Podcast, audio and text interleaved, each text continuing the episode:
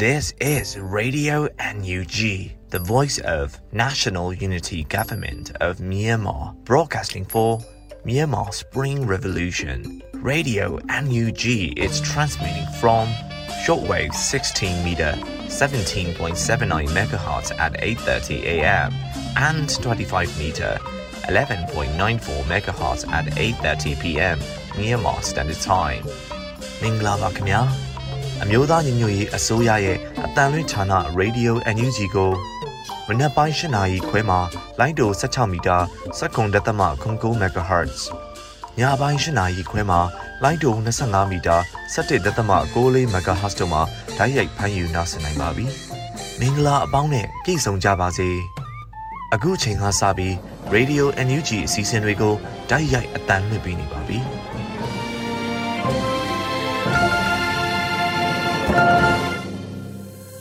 မြန်မာနိုင်ငံသူနိုင်ငံသားအပေါင်းတဘာဝပြီးစစ်အာဏာရှင်ပြည်သူကနေပြင်ဝေးပြီးဒီကင်းလုံခြုံကျန်းမာကြပါစေလို့ဗီဒီယိုအန်ယူဂျီအဖွဲ့သားများကဆုတောင်းမေတ္တာပို့သလိုက်ရပါတယ်ရှင်။ပထမဆုံးအနေနဲ့ကာကွယ်ရေးဝန်ကြီးဌာနရဲ့စီရေးသတင်းအကျဉ်းချုပ်ကိုမျိုးဦးမောင်မှတင်ပြပေးမှာဖြစ်ပါတယ်ရှင်။ယခုတင်ဆက်ပေးမှာကတော့ကာကွယ်ရေးဝန်ကြီးဌာနအမျိုးသားညီညွတ်ရေးအစိုးရမှထုတ်ဝေသောနိုင်စဉ်စီရေးသတင်းအချင်းချုပ်ပဲဖြစ်ပါတယ်။ ကျွန်တော်ကတော့ຫນွေဦးမောင်ပါခင်ဗျာ။နိုင်စဉ်စီရေးသတင်းအချင်းချုပ်ကိုတင်ဆက်ပေးပါတော့မယ်။စစ်ကောင်စီတပ်သားကြဆုံ59ဦးစစ်ကောင်စီတပ်သားဒဏ်ရာရ83ဦးစစ်ကောင်စီနဲ့တိုက်ပွဲဖြစ်ပွားမှုသတင်းများကိုတင်ဆက်ပေးပါမယ်။ကရင်ပြည်နယ်တွင်2022ခုနှစ်ဧပြီလ29ရက်နေ့ကရင်ပြည်နယ်မြဝတီမြို့နယ်မြဝတီမြို့အစုံအမှတ်၄ရပ်ကွက်၌စစ်ကောင်စီတပ်နှင့် KNLA ပူးပေါင်းတပ်များ လက်နက်ကြီးလက်နက်ငယ်များဖြင့်အပြန်အလှန်ပစ်ခတ်မှုဖြစ်ပွားခဲ့ကြောင်းသိရပါသည်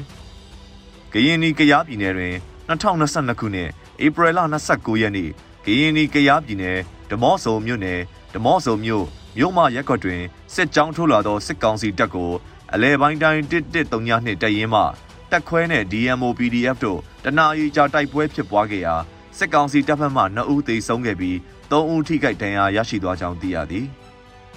ချင်းပြည်နယ်တွင်2022ခုနှစ်ဧပြီလ30ရက်နေ့ချင်းပြည်နယ်မတူပီမြို့နယ်မင်းတပ်မတူပီလမ်း82မိုင်တွင်မတူပီမြို့မှဆင်းလာသောစစ်ကောင်စီရင်နှန်း80ကျော်နှင့် CDF မင်းတပ်မိုးပီတပ်ရင်းတို့တိုက်ပွဲပြင်းထန်နေပြီးနှစ်ဖက်ထိခိုက်ကြဆုံးမသိရသေးကြောင်းသိရပါသည်။2022ခုနှစ်ဧပြီလ29ရက်နေ့ချင်းပြည်နယ်ဟာခါမြို့နယ်လမ်းတုပ်ရွာနဲ့တီနန်ရွာကြားတွင်စစ်ကောင်စီတပ်ကို CAN ကန် CDF ဟာခါတို့မှ တိုက်ခိုက်ခဲ့ရာစစ်ကောင်စီတပ်သား၄ဦးသေဆုံးသွားခဲ့ကြောင်းသိရပါတယ်။2022ခုနှစ်ဧပြီလ28ရက်နေ့ချင်းပြည်နယ်ဟာခါမြို့နယ်ရွာပန်ကျေးရွာအနီးတွင်စစ်ကောင်စီတပ်နှင့် CAN ကန် CDF ဟာခါပူပေါင်းတပ်တို့တိုက်ပွဲဖြစ်ပွားခဲ့ပြီးစစ်ကောင်စီတပ်သား22ဦးသေဆုံးသွားခဲ့ကြောင်းသိရပါတယ်။စကိုင်းတိုင်းတွင်2022ခုနှစ်ဧပြီလ29ရက်နေ့စကိုင်းတိုင်းပလဲမြို့နယ်ဈေးပြူကုန်းကျေးရွာရှိပြူစောတိစခန်းအား မုံရွာခရိုင်တရင်1တန်မဏိတက်ခွဲပလဲပြည်သူ့ကာကွယ်ရေးတပ်ဖွဲ့တရင်1 RES တောင်ပေါ်ပုံနကဘုံတောင်တိုက်က PDF တရင်2 Mines Hero Generation တက်ရင် MHG God of မြိုင် Gorilla Ranger တပ်ဖွဲ့ဖြစ်သော PW ထုတ်လို့ရေးရဲဘော်များ101 Urban Revolution Force Underground Revolution Force Underground Army အောင်ဆန်း Force နဲ့ တောင်ပိုင်းမဟာမိတ်အဖွဲ့များမှလက်နက်ကြီးအလုံးရေ56လုံးခန့်ပစ်ခတ်ဝင်ရောက်ခဲ့ကစစ်ကောင်စီနဲ့ပြူစောတိများဘက်မှစက်ကလေးများလက်နက်ကြီးလက်နက်ငယ်များဖြင့်ပြန်လည်ပစ်ခတ်ခဲ့ပြီးတနာရီခန့်တိုက်ပွဲဖြစ်ပွားခဲ့သည်2022ခုနှစ်ဧပြီလ29ရက်နေ့စကိုင်းတိုင်းဒဇယ်မြို့နယ်ဒဇယ်ကလေးဝလန်မိုင်40 41ကြားစိုင်မသေးကွင်း၌ ASF Special Attacking Force Upper Burma နဲ့ဒဇယ် People Comrades တို့မှစစ်ကောင်စီကားတန်းအားဗဒေသာမိုင်းဆွဲတိုက်ခိုက်ခဲ့သည်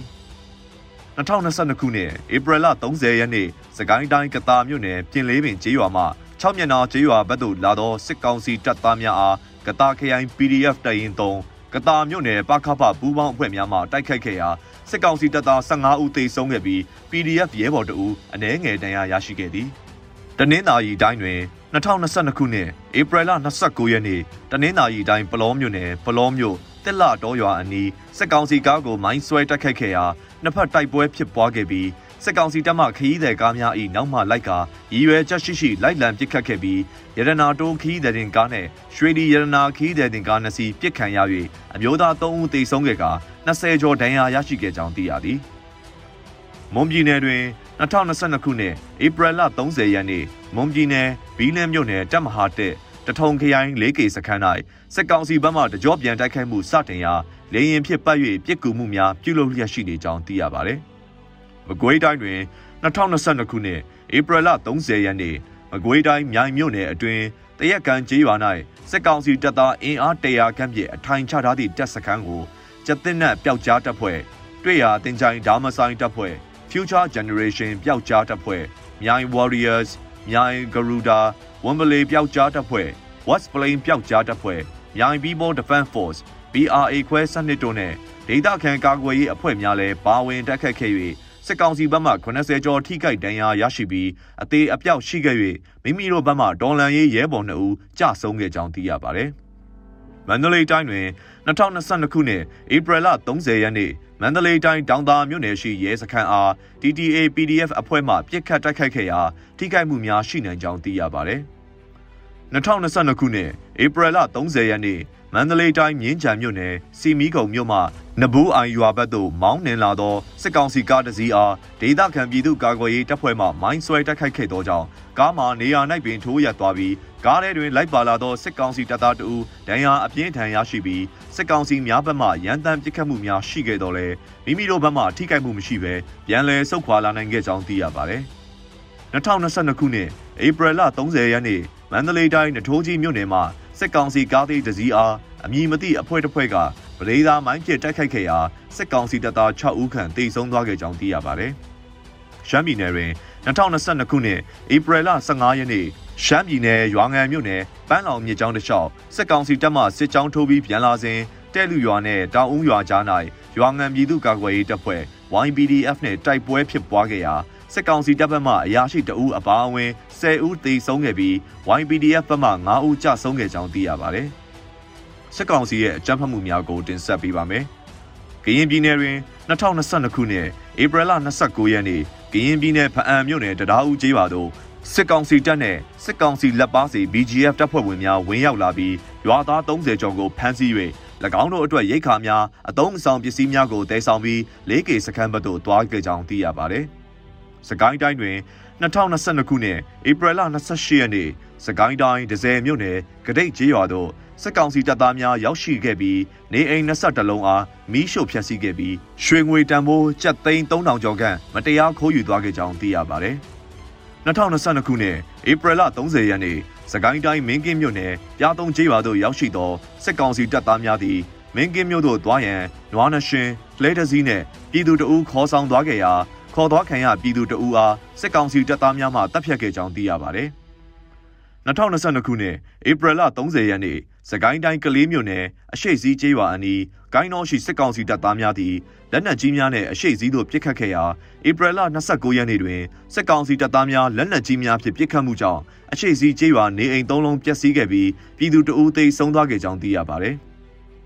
2022ခုနှစ်ဧပြီလ30ရက်နေ့စကိုင်းတိုင်းရွှေဘုံမြို့နယ်တအုံကျေးရွာ၌ထမ်းရင်ရောင်းနေသောကိုအေးလင်းအား PDF အားပေးသူဟုဆွဆွဲ၍ကော့ကျေးရွာရှိပြည်စောထီးများမှစိုက်ကယ်၃စီးဖြင့်လာရောက်ပြစ်တက်သွားခဲ့ပါတယ်။ဆက်လက်ပြီးတနင်္သာရီတိုင်းတွင်2022ခုနှစ်ဧပြီလ30ရက်နေ့တနင်္သာရီတိုင်းကျွန်းစုမြို့နယ်မင်းကုတ်ကျေးရွာနဲ့မောင်းတော်ကျေးရွာရှိပြူစောထီးများမှလေငယ်များကိုတနက်ပစ်ခတ်ချင်းချောက်၍ ငွေကျပ်၄000တောင်းခြင်းဈေးလက်မှတ်မပုံတင်များစစ်ဆေးပြီးလက်နက်ကင်ချင်းချောက်တောင်းကျမ်းနေမှုများကြောင့်ပိုက်မျောလေငယ်လေးများအလုတ်ထွက်မလုတ်ရဲကြကြောင်းသိရပါတယ်။2022ခုနှစ်ဧပြီလ29ရက်နေ့တနင်္သာရီတိုင်းလောင်းလုံမြို့နယ်မောင်းမကန်ကျေးရွာတွင်နေထိုင်သည့်အသက်18နှစ်အရွယ်မတ်သေးရတနာထွေဆယ်တန်းကျောင်းသူကိုစစ်ကောင်စီတပ်မှဖမ်းဆီးခဲ့ပြီးမြည်သည့်အကြောင်းကြောင့်ဖမ်းဆီးသည်ကိုမသိရ၍မိသားစုနဲ့လည်းတွေ့ခွင့်မရသေးဘဲတဝဲအချင်းထောင်တို့ပို့ဆောင်ခဲ့ကြောင်းသိရပါတယ်။ 2022ခုနှစ်ဧပြီလ29ရက်နေ့တနင်္သာရီတိုင်းပလောမြို့နယ်တင်ငန်းတော်ရွာတွင်စစ်ကောင်စီတပ်သားနဲ့စစ်ကောင်စီလက်အောက်ခံရဲများဝင်မွေပြီးအရက်သားတုံးဦးအားဖမ်းဆီးခဲ့ရာတအူးမှာလက်ထိပ်ဖြစ်ထွက်ပြေးလွတ်မြောက်သွားခဲ့ပြီးကျောင်းနဲ့ရွာတွင်လည်းစစ်ကောင်စီတပ်သားများတပ်ဆွဲထားကြောင်းသိရပါတယ်။2022ခုနှစ်ဧပြီလ29ရက်နေ့တနင်္သာရီတိုင်းဘုံပြင်းမြို့နယ်ပြည်ကြီးမနိုင်မြို့နယ်စိုင်းကျော်မိုးအားစစ်ကောင်စီမှဖမ်းဆီးသွားခဲ့ကြောင်းသိရပါတယ်။ ပဲခူးတိုင်းတွင်2022ခုနှစ်ဧပြီလ30ရက်နေ့ပဲခူးတိုင်းအနောက်ချမ်းပေါင်းတယ်မြို့နယ်ပေါင်းတယ်မြို့မှနိုင်ငံရေးအကျဉ်းသားဟောင်းတဦးဖြစ်သူကိုစောနာ၏မိဘများနေထိုင်သည့်အိမ်ကိုစစ်ကောင်စီမှဝရမ်းကပ်ပြီးတင်ဆက်ချိတ်ပိတ်ရန်ပြင်ဆင်နေကြောင်းသိရပါတယ်။2022ခုနှစ်ဧပြီလ29ရက်နေ့ပဲခူးတိုင်းတောင်ငူမြို့နယ်တောင်ငူမြို့တရက်ကွက်ထီလိုင်အုပ်ချုပ်ရေးမှူးဦးကြည်စိုးသည် ဝေဆောင်ဟိုတယ်ဘေး၌စစ်ကောင်စီတပ်ဗိုလ်များနှင့်အတူ KTV ဖွင့်ထားပြီးအရက်သားများကိုလည်းအမျိုးမျိုးချင်းချောက်လျက်ရှိကာလက်စားခြင်းများလည်းရှိနေပြီးချမ်းအယောင်ဝယ်စားချုပ်တာရေးနာရေးကိစ္စများကိုလည်း၎င်း၏ခွင့်ပြုချက်မပါဘဲလုပ်ခွင့်မရဘဲခွင့်ပြုချက်ရရင်လည်းငွေကျပ်9000မှ3သိန်းပေးနေရကြောင်းနဲ့၎င်းသည်တက်ထွက်တအူဖြစ်၍အာနာသိန်းစစ်ကောင်စီရဲ့ဆန္ဒပြပွဲများတွင်ပါဝင်ခဲ့ပြီး၎င်းအိမ်အားစစ်ကောင်စီတပ်သားများအဝင်အထွက်ပြုလုပ်နေကြောင်းသိရပါတယ်။မန္တလေးတိုင်းတွင် 2022ခုနှစ်ဧပြီလ29ရက်နေ့မန္တလေးတိုင်းစင့်ကူးမြို့နယ်ခူလဲရွာရှိအုပ်ချုပ်ရေးမှူးဟောင်းဦးဆွေလင်းအားသွေးတောက်အဖွဲ့မှတပ်ဖြတ်သွားခဲ့ပြီးလယ်ဘင်းတွင်သွေးတောက်အဖွဲ့ဆိုသည့်စာတန်းအားချိတ်ဆွဲသွားခဲ့ကြောင်းသိရပါတယ်။ရှမ်းပြည်နယ်တွင်2022ခုနှစ်ဧပြီလ28ရက်နေ့ရှမ်းပြည်နယ်တောင်ပိုင်းရွာငံမြို့နယ်ငှက်တောက်ရွာနှင့်ရုံပွေးချေးရွာတို့တွင်စစ်ကောင်စီမှတပ်စခန်းများချထားပြီးရွာသား၈ဦးကျော်အားဖမ်းဆီးထားခဲ့၍6ဦးပြန်လည်လွတ်မြောက်လာကာ ငှက်တောက်မှရုံငွေတို့တွားရာတွင်လည်းရွာသား2ဦးအားချင်းချောက်ခေါ်ဆောင်သွားသဖြင့်ရွာသားများကြောက်လန့်၍ဘုံကြီးကျောင်း၌စုဝေးနေထိုင်ကြကြောင်းသိရပါသည်။ရန်ကုန်တိုင်းတွင်2022ခုနှစ်ဧပြီလ30ရက်နေ့ရန်ကုန်တိုင်းဒဂုံစိတ်ကမ်းမြို့နယ်စစ်တောင်းရက်ကွက်ကနောင်ကွေတွင်စိုက်ကယ်ကယ်ရီသမား2ဦးကိုအရက်ဝတ်စစ်ကောင်စီများကတနက်ဖြစ်ချိန်၍ရိုက်နှက်ဖမ်းဆီးသွားခဲ့ကြောင်းသိရပါသည်။2022ခုနှစ်ဧပြီလ30ရက်နေ့ ရန်ကုန်တိုင်းခရမ်းမြို့နယ်ရှိနေရာတော်တော်များများနဲ့ထွက်ပေါက်အချို့စိန်လန်းတူမြောင်ကရင်ကန်ဂိတ်တက်တော်ဂိတ်ကမာကလူအထွတ်နဲ့ရဲမုံဂိတ်စတဲ့နေရာများတွင်စိုက်ကယ်လိုင်စင်စိုက်ကယ်စီးအုပ်ထုပ်ဖမ်းသည်ကိုအယောင်ပြ၍ပြည်သူများထံခေါင်းစဉ်မသည့်အကြောင်းပြချက်များဖြင့်စစ်ကောင်စီအဖွဲ့ဝင်များမှတန်ချိန်9000နဲ့6000ကျပ်ဖမ်းဆီးတောင်းရမ်းနေကြကြောင်းသိရပါသည်။2022ခုနှစ်ဧပြီလ30ရက်နေ့ရန်ကုန်တိုင်းခရမ်းမြို့နယ်12ရပ်ကွက်၌ PDF နဲ့အဆက်အသွယ်ရှိသည်ဟုဆွဆွဲ၍စစ်ကောင်စီမှကုန်းရတဲ့မိန်းကလေးတအူးနဲ့လူငယ်တအူးအားဖမ်းဆီးသွားခဲ့ကြောင်းသိရပါသည်။2022ခုနှစ်ဧပြီလ28ရက်နေ့ရန်ကုန်တိုင်းမင်္ဂလာတုံမြို့နယ်ထောက်ကျန့်ပေါင်းကူညာနာရက်ကွက်နေဦးတင်ဝင်းအသက်84နှစ်သည်အိမ်ရှိ၌ဈေးကူရောင်းပေးနေစဉ်စက်ကောင်စီများမှဖွဲ့စည်းထားသောသွေးတောက်အဖွဲ့ရန်ကုန်မှတနက်ဖြစ်10ချက်ပစ်ခတ်တော့ခဲ့ရာအခင်းဖြစ်ရာနေရာတွင်တိတ်ဆုံးသွားခဲ့ကြောင်းသိရပါသည်။ရခိုင်ပြည်နယ်တွင် 2022ခုနှစ်ဧပြီလ29ရက်နေ့ရခိုင်ပြည်နယ်တန်တွဲမြို့နယ်အချမ်းဖတ်မှုတိုက်ဖြတ်ရေးဥပဒေဖြင့်တရားရင်ဆိုင်နေရသည့်တန်တွဲမြို့မှလူမှုရေးတက်ကြွလှုပ်ရှားသူကိုစိန်ချစ်နဲ့ကိုရဲနိုင်ဦးတို့အမှုတွင်တရားလိုပြတပ်သေးနဲ့တရားခံပြတပ်သေးများကိုစစ်ဆေးပြီးဖြစ်သည့်အတွက်လာမယ့်ရုံးချိန်တွင်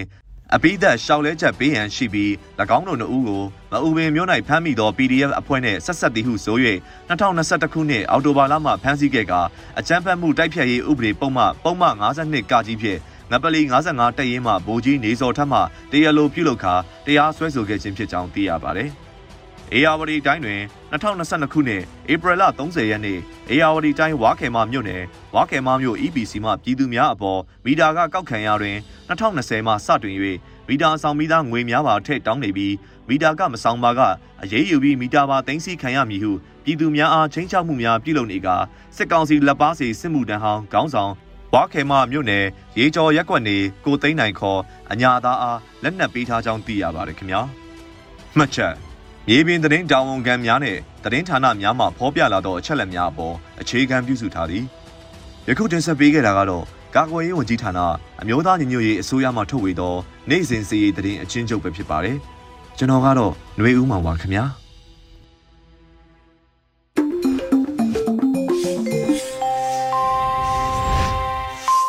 ဆက်လက်ပြီး Radio UNG ရဲ့နောက်ဆုံးရသတင်းများကိုຫນွေဦးမိုင်မှဖတ်ကြားတင်ပြပေးပါမယ်ရှင်။ မင်္ဂလာမနက်ခင်းပါရှင်အခုချိန်ကစပြီး Radio UNG ရဲ့မနက်ခင်းသတင်းများကိုဖတ်ကြားပါတော့မယ်ဤသတင်းများကို Radio UNG သတင်းတောင်ခံများနဲ့ခိုင်လုံသောမိတ်ဖက်သတင်းမြင့်များစီမှအခြေခံတင်ပြထားခြင်းဖြစ်ပါရဲ့ရှင်ကျွန်မຫນွေဦးမိုင်းပါ အမျိုးသားညီညွတ်ရေးအစိုးရပြည်ထရေးဝန်ကြီးနဲ့ KNLA ကစစ်စင်ရေးဗျူဟာမှူးစောထုကချောတို့တွေ့ဆုံရစီစဉ်ခဲ့တဲ့သတင်းကိုဖတ်ကြားပေးပါမယ်။အမျိုးသားညီညွတ်ရေးအစိုးရပြည်ထရေးဝန်ကြီးနဲ့ KNLA ကစစ်စင်ရေးဗျူဟာမှူးစောတူးကရှောတို့တွေ့ဆုံရစီစဉ်ခဲ့တယ်လို့သိရပါတယ်။ဧပြီလ30ရက်နေ့မှာကြာဆုံးသွားတဲ့ဗိုလ်မှူးကြီးအကြောင်းကိုအမျိုးသားညီညွတ်ရေးအစိုးရပြည်ထရေးဝန်ကြီးဦးလုံကိုလက်ကလူမှုကွန်ရက်မှာရေးသားပြောကြားခဲ့ပါတယ်။ ဗိုလ်မှူးကြီးနဲ့တစ်ကြိမ်ပဲတွေ့ခဲ့ရတယ်။ကျွန်တော်တို့လက်ထက်မှာတော်လှန်ရေးအပိသက်အောင်ရမယ်လို့ဆိုခဲ့တယ်။ငယ်ရွယ်တယ်၊ရဲရင်တယ်ခေါင်းဆောင်ကောင်းပြီးသားတယ်ဆိုတဲ့သူ့ကုံရီကိုအပြည့်အဝပုံမဖော်နိုင်တဲ့ချီးမွမ်းမှုတွေနားထောင်ရင်ဒီနေ့တွေ့ရဖို့ကျွန်တော်စောင့်နေခဲ့တယ်။ဘုံမူကြီးရောက်မလာခဲ့ပေမဲ့ဒီနေ့ရောက်လာကြတဲ့မြေပြင်ကောင်းဆောင်တွေရဲဘော်တွေစီကဘုံမူကြီးအစီအစဉ်တွေအတိုင်းရွရွချွန်ချွန်ဆက်ပြီးအကောင့်ထဲပေါ်မယ်ဆိုတဲ့စိတ်အားထက်သန်မှုတွေနဲ့ခိုင်မာတဲ့ ပြက်သားတဲ့ပြောဆိုတန်တွေကဒီတော်လှန်ရေးမှာဘုံမူကြီးထာဝရရှိနေတယ်ဆိုတာကို ပြသနေတာပဲလို့ခံစားမိရင်ကျွန်တော်အလေးပြုနှုတ်ဆက်ပါတယ်လို့ဝင်ကြီးကဆိုပါတယ်။ KNLA တက်မဟာ9ရဲ့စစ်စင်ရေးဗျူဟာမှုဗိုလ်မှူးကြီးစောထူးခရှောဟာဧပြီလ28ရက်ကရင်ပြည်နယ်ဖာပုံခရိုင်ကြောက်ညက်စခန်းသိမ်းတိုက်ပွဲမှာစစ်ကောင်စီတို့ရဲ့လေကြောင်းတိုက်ခိုက်မှုကြောင့်ကြာဆုံးခဲ့ရပါတယ်။ဆက်လက်ပြီး Japan National Defense Academy နဲ့စစ်ကောင်စီတို့ပူးပေါင်းလှုပ်ဆောင်မှုတွေကိုအထူးအရေးယူဆောင်ရွက်နိုင်ရင်လှုပ်ဆောင်သွားမယ်လို့အမျိုးသားညီညွတ်ရေးအစိုးရကိုယ်စားလှယ်အဖွဲ့ကိုဂျပန်လွှတ်တော်အမတ်များတမကအဖွဲ့ကဆိုတဲ့သတင်းကိုဖတ်ကြားပါမယ်။ Japan National Defense Academy နဲ့စစ်ကောင်စီတို့ပူးပေါင်းလှုပ်ဆောင်မှုတွေကိုအထူးအရေးယူဆောင်ရွက်နိုင်ရေးလှုပ်ဆောင်သွားမယ်လို့အမျိုးသားညီညွတ်ရေးအစိုးရကိုယ်စားလှယ်အဖွဲ့ကိုဂျပန်လွှတ်တော်အမတ်များတမကကဆိုလိုက်ပါတယ်။ဧပြီလ29ရက်က ဗီဒီယိုကွန်ဖရင့်နဲ့ဆွေးနွေးပွဲကျင်းပရာမှာဂျပန်လွှတ်တော်အမတ်များတမကကဆိုလိုက်တာဖြစ်ပါတယ်။မြန်မာကိုယ်စားလှယ်အဖွဲ့က Japan National Defense Academy နဲ့စစ်ကောင်စီတို့ပူးပေါင်းလှုပ်ဆောင်မှုတွေပြင်းပြင်းထန်ထန်ကန့်ကွက်ရှုတ်ချတယ်လို့ဖော်ပြဆွေးနွေးရမှာဂျပန်လွှတ်တော်အမတ်များတမကအထူးအရေးယူဆောင်ရွက်နေရေးလှုပ်ဆောင်သွားမယ်လို့ပြောကြားခဲ့တာဖြစ်ပါတယ်။အစည်းအဝေးကိုအမျိုးသားရင်ငွေရေးအစိုးရနိုင်ငံခြားရေးဝန်ကြီးဌာနပြည်ထောင်စုဝန်ကြီးဒေါ်စင်မအောင်အမျိုးသမီးလူငယ်နဲ့ ကလေးသူငယ်ရေးရဝန်ကြီးနော်စုစင်နာလှလှဆိုစီမံကိန်းဗန္ဒာရင်းနဲ့ရင်းနှီးမြှုပ်နှံမှုဝန်ကြီးဦးတင်ထွန်းနိုင်လူသားချင်းစာနာထောက်ထားရေးနဲ့ဘေးအန္တရာယ်ဆိုင်ရာစီမံခန့်ခွဲရေးဝန်ကြီးဒေါက်တာဝင်းမြတ်အေးနဲ့နိုင်ငံခြားရေးဒုတိယဝန်ကြီးဦးမိုးစောဦးတို့တက်ရောက်ခဲ့ကြပါတယ်။ဂျပန်လွှတ်တော်အမတ်များတမကဥက္ကဋ္ဌကအမျိုးသားညီညွတ်ရေးအစိုးရအဖွဲ့ဝင်တွေပြည်သူတွေအတွက်စွန့်လွတ်အနစ်နာခံမှုပေါ်အထူးလေးစားဂုဏ်ယူပြီးမြန်မာပြည်သူတွေလိုလားတောင့်တတဲ့ ဒီမိုကရေစီအရေးနဲ့ဂိမ်းချရေးတို့အတွက်အန်ယူဂျီအစိုးရနဲ့ဆက်လက်ပူးပေါင်းလှုပ်ဆောင်သွားကြမှာဖြစ်တယ်လို့ပြောကြားခဲ့ပါတယ်ရှင်။ဆက်လက်ပြီးရှမ်းတိုင်းသားများဒီမိုကရေစီအဖွဲ့ချုပ် SNLD ပါတီဥက္ကဋ္ဌဟောင်းဖြစ်သူဦးခွန်ထွန်းဦးကိုလွန်သွားတဲ့အတွက်အမျိုးသားညီညွတ်ရေးအစိုးရကဝန်내ကြောင်းတဝန်လွှာပေးပို့တဲ့သတင်းကိုဖတ်ကြားပါမယ်။ရှမ်းတိုင်းသားများဒီမိုကရေစီအဖွဲ့ချုပ် SNLD ပါတီဥက္ကဋ္ဌဟောင်းဖြစ်သူဦးခွန်ထွန်းဦးကွယ်လွန်သွားတဲ့အတွက်အမျိုးသားညီညွတ်ရေးအစိုးရကဝန်내ကြောင်းတဝန်လွှာပေးပို့ခဲ့ပါတယ်။ဧပြီလ30ရက်မှာအမျိုးသားညီညွတ်ရေးအစိုးရယာယီသမရဒူဝါလရှိလာကဝန်내အကြောင်းတဝန်လွှာပို့ခဲ့တယ်လို့သိရပါဗျ။ရှမ်းတိုင်းသားများဒီမိုကရေစီအဖွဲ့ချုပ် SNLD ပါတီ၏ဥက္ကဋ္ဌဟောင်းဖြစ်သူရှမ်းတိုင်းသားခေါင်းဆောင်ကြီးဦးခွန်ထွန်းဦးသည်ယနေ့ဧပြီလ30ရက်နေ့ နေ့လယ်တွင်ကွယ်လွန်အနှိမ့်ဆရောက်သွားပြီဖြစ်ကြောင်းသိရပါသဖြင့်အမျိုးသားညီညွတ်ရေးအစိုးရနှင့်ဖြင့်မိသားစုနှင့်အတူဝမ်းနည်းပူဆွေးရပါတယ်လို့ဖော်ပြပါရယ်။ဦးခွန်ထွန်းဦးသည်1988ခုနှစ်တွင်ရှမ်းတိုင်းသားများဒီမိုကရေစီအဖွဲ့ချုပ်ကိုတည်ထောင်ကပါတီဥက္ကဋ္ဌဖြစ်နှစ်ပေါင်း30ကျော်တာဝန်ထမ်းဆောင်ခဲ့သူဖြစ်တဲ့ပြင်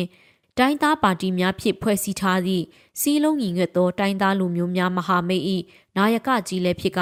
တိုင်းပြည်၏ဒီမိုကရေစီအရေးဖက်ဒရယ်ပြည်ထောင်စုအရေးနဲ့တိုင်းသားအလုံးလေးစားရသောခေါင်းဆောင်ကြီးလည်းဖြစ်ပါတယ်။တိုင်းပြည်နဲ့လူမျိုးအတွက်စွန့်လွတ်အနစ်နာခံကစစ်မှန်သောဖက်ဒရယ်ပြည်ထောင်စုပေါ်ပေါက်လာရေးအတွက်ကြိုးပမ်းဆောင်ရွက်ခဲ့သည့်ခေါင်းဆောင်ကြီးဥခွန်ထွန်းဦးကောင်းရသူကရိလာပါစေကြောင်းဆုတောင်းမြတ်တာပို့တာအပ်ပါတယ်လို့တဝန်လွှာမှာဖော်ပြပါရှိပါတယ်ရှင်။ဆက်လက်ပြီးလက်နက်အပြည့်စုံတဲ့စစ်ကောင်စီတပ်များအလင်းဝင်လာရင် ကြောက်ထု PDF ကငွေကျပ်380ပေးအပ်မယ်ဆိုတဲ့သတင်းကိုဖတ်ကြားပါမယ်။လက်နက်အပြည့်စုံတဲ့စစ်ကောင်စီတပ်များအလင်းဝင်လာရင်ကြောက်ထု PDF ကငွေကျပ်သိန်း80ပေးအပ်မယ်လို့ဆိုပါတယ်။ဧပြီလ30ရက်မှာစုကျင်းငွေကြေးညာချက်ကိုကြောက်ထု PDF ကထုတ်ပြန်ခဲ့ပါတယ်။လက်နက်အပြည့်စုံတဲ့ထွက်ခွာလာပါကစုကျင်းငွေသိန်း80ကိုပါပေးအပ်ချင်းမြင့်ပြီဖြစ်ပါ၍ထွက်ခွာလိုသူများအနေနဲ့ကြောက်ထု PDF ထံဆက်သွယ်အကူအညီတောင်းခံနိုင်ပါတယ်လို့ဖော်ပြပါတယ်။ ဧပြီလ28ရက်ငညနေ3နာရီမိနစ်30အချိန်ခန့်တွင်ကြောက်ထုရဲစခန်းမှရဲတပ်သားတအူ CDM ဝင်ရောက်လာသဖြင့်ကြောက်ထုပြည်သူ့ကာကွယ်ရေးတပ်ဖွဲ့ KTU PDF မှချိတ်ဆက်ပြီးလွတ်မြောက်နေမည်သို့အထိခိုက်မရှိပို့ဆောင်ပေးခဲ့လို့လည်းဆိုထားပါတယ်ရှင်။ဆက်လက်ပြီး CNO CNDF ထံသို့လက်နက်ပြေဆုံးဖြင့်အလင်းဝင်လာသည့်ခလာရ268တပ်မှ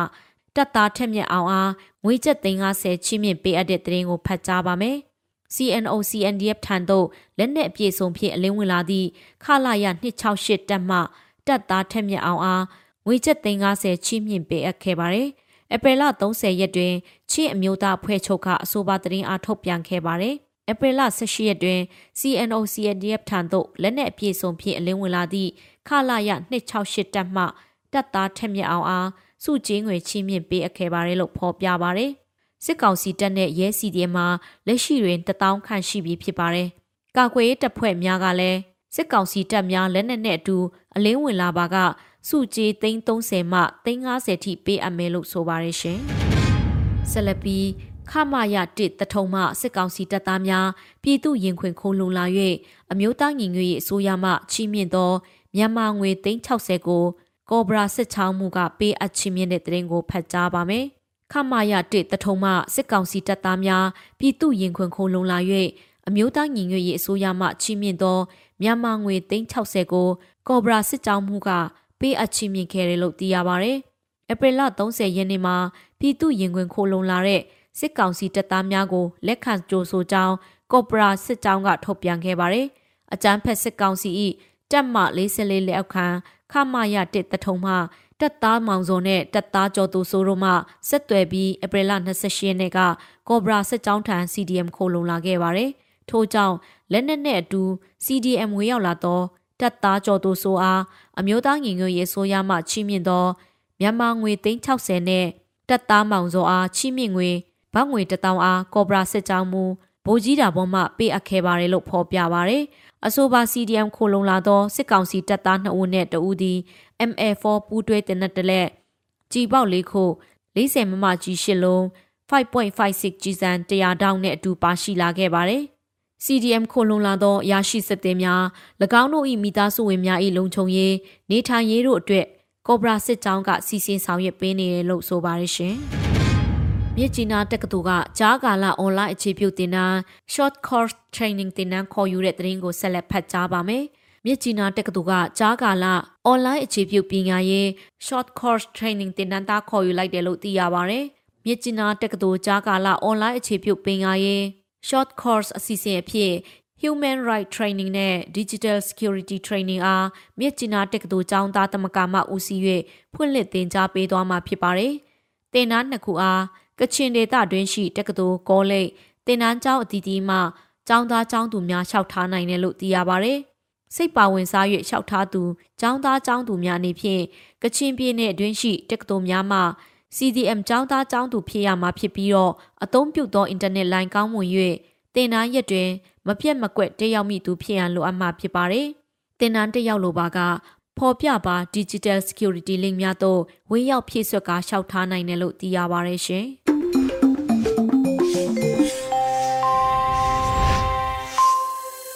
ဒီတိုင်းသားဘာသာစကားအစီအစဉ်အနေနဲ့ချူချင်းဘာသာစကားခွဲတစ်ခုဖြစ်တဲ့မွန်းဘာသာစကားဖြင့်သတင်းထုတ်လွှင့်မှုအစီအစဉ်ကိုတင်ဆက်ပေးမှာဖြစ်ပါတယ်။ဒီအစီအစဉ်ကို Radio UNG နဲ့ချူချင်းဘာသာစကားထုတ်လွှင့်မှုအစီအစဉ်ခွဲတို့ပူးပေါင်းထုတ်လွှင့်တာဖြစ်ပါတယ်ရှင်။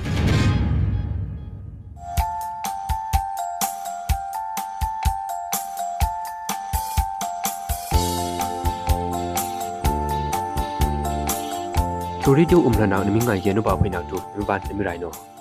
အတုံဝဲမင်းငါဘယံထူရီလေကျူမင်တမောင်ရိုလာမတူပီမောင်ရိုစေနာကမောဒိုလာမှုခုတ်ချောင်ရီတန်ကနောဆေဆုနာကာမီဘီဘာချောင်းဝါကြီး CTF မင်တတန်ကနောပရမ်ဘာနာကောင်ထူကျူတီယာ CTF မင်တတာဆေဟေကောနေအန်ကရစီအရာနာကာခုကုမ်ဝတ်အဘေနာကုလေကျူအန်မုံရှလိခရုနောယေကျနာအော့ဖီဇီယာထုမ်ခွန်ရနေမင်ခေါ်လောမောင်လာ CNO CNGF တန်ကနော CGTC အန်မုံရအတငါအန်ကရစီကောင်စီကောင်ဥဒနနေရာနာဝိုင်ဂျီယာအပရနန်ထူကျူတီယာမကွေခနူပုံတောင်းငုအန်ကရစီကောင်စီချန်စခထူလေကျူ YDF တန်ကနောမကဂေဂျီယာအမောင်လာအန်ထူဝေလေကျူ Kulatameka angvai kya kya gudares leju Ukraine khu mangrok tung Kiev a asena kung Russia khu tung kano Kiev la Ukraine of kya mangro avanu munane tung ka na abi bana ka uthuri yakni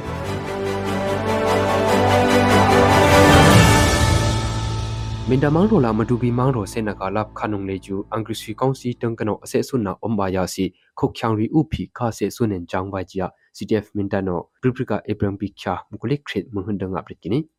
Bribrika Maching Le Kya Shalik Ko Thong Kano Dune CTF Mintala Angriswi Council Leju Minta Madubi Senaka Motolap Kanu Aming Tung Kana Omgini Abraham Bikha Thumkip Yanda Jumpi Minta Mangrola Madubi Senaka Maktung Krikip Lagong Angriswi Council Ri Rok Lokri Kene Ajunung Leju CTF Mintatunga Mopi Ta Yinon Angriswi Council Yang Lagong Tung Kana Ri Akdum Apkija CTF Mintano Pretkini Chutia CTF minta da se he konne angkrisi arana ka khogum ut abena Ibrahim Bikha gulek thing hum leju angbum shalik thungno yekana opkija thum khandri mthuzari rune mim kholona opkija CTF minta no prikini ajuna angbum rileju ICNCC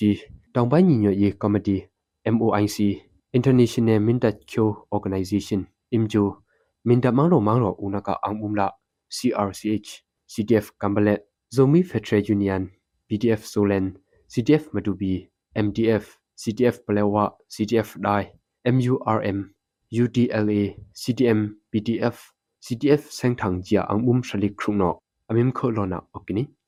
Chutia Khogum Phram Kulam Kuleri Ebrem Bikham Kung Kanom Kulik Thum Akada, CNO Angbum Dangano Aksukweya, Kyokung Opkia Angbum Ryong Hune, Kyoko Akrunga Angru Sui Kongsi Rana Wayung, Aktung Pia Thugia Mamong Rileju Aming Reng Bana Okini. achuna aming reng bana kung leju angkru sui kongsi chu khyukhong op kia se he ko rakap ang bum pho pho no atanga kulum ne kong ne rana waila cno cntf dang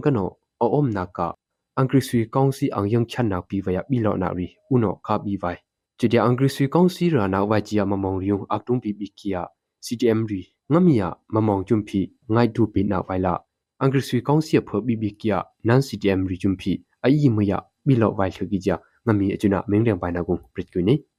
chudia khogum phram kulam kulere abraham bi kham kulek hum makoi khunu pomyaung opkia angkrisi kaungsing ka khyangsek khret leju shukhin da yi shina tung se kharya melona gung ydf no ana panem ka se khyangsek kruk sene poi ba kya khyangsang re leju agnuya nilimna opkijia ydf no abraham bi kham kulek hum thungshogini un secondary kya kya kudares leju Ukraine ma rok tung kya kya giyep la Ukraine khong op kya mang ro yunga Abraham Bikham kulik theng hum ajunung op kya ang ba dion aming huna op kini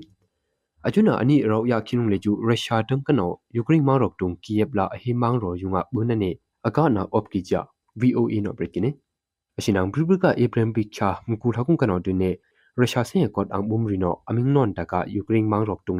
brekini asinang bribrika Abraham Bikha mku thakung kano dune Russia se kot ang bum rino aming non taka Ukraine mang rok tung la hi mang ro yung tukbele ju aksuk bya ameka bana kene ajunung leju amkempia kyangsung osne kyangsung akdum alimna opki gp ukraine ka khyamo mamse ki ambum rino prekwini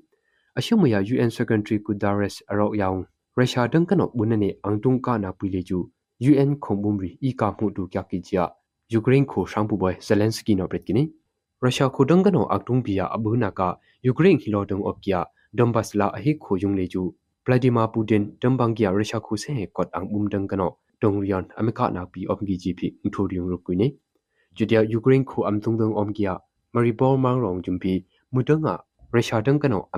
omgi kene ajunung leju sikyu na la limbai na ri jumpi akdum omningi ja ningam thedrine atungai thumi nga leju simbang kya khani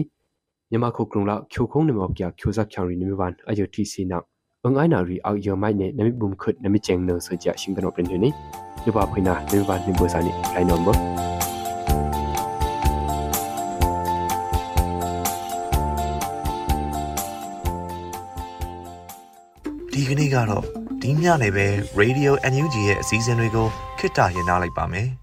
မြန်မာစံတော်ချိန်မနက်၈နာရီခွဲနဲ့ည၈နာရီခွဲအချိန်တွေမှာပြန်လည်ဆုံးဖြတ်ကြပါစို့။ Radio NUG ကိုမနက်ပိုင်း၈နာရီခွဲမှာလိုင်းဒို16မီတာစက္ကန့်တသမ9 MHz ညပိုင်း၈နာရီခွဲမှာလိုင်းဒို25မီတာ17တသမ6 MHz တို့မှာဓာတ်ရိုက်ဖမ်းယူနားဆင်နိုင်ပါပြီ။မြန်မာနိုင်ငံသူနိုင်ငံသားများကိုယ်စိတ်နှပြချမ်းမာချမ်းသာလို့ဘေးကင်းလုံခြုံကြပါစေလို့ Radio NUG အဖွဲ့သူအဖွဲ့သားများကဆုတောင်းလိုက်ရပါတယ်။အမျိုးသားညီညွတ်ရေးအစိုးရရဲ့စက်သွေးရေးသတင်းအချက်အလက်နဲ့ဤပညာဝန်ကြီးဌာနကထုတ်လွှင့်နေတဲ့ Radio NUG ဖြစ်ပါတယ်။ San Francisco Bay Area အခြေစိုက်မြန်မာမိသားစုများနဲ့နိုင်ငံတကာကစေတနာရှင်များလှုပ်အားပေးများရဲ့ Radio NUG ဖြစ်ပါတယ်။အရေးတော်ပုံအောင်ရမည်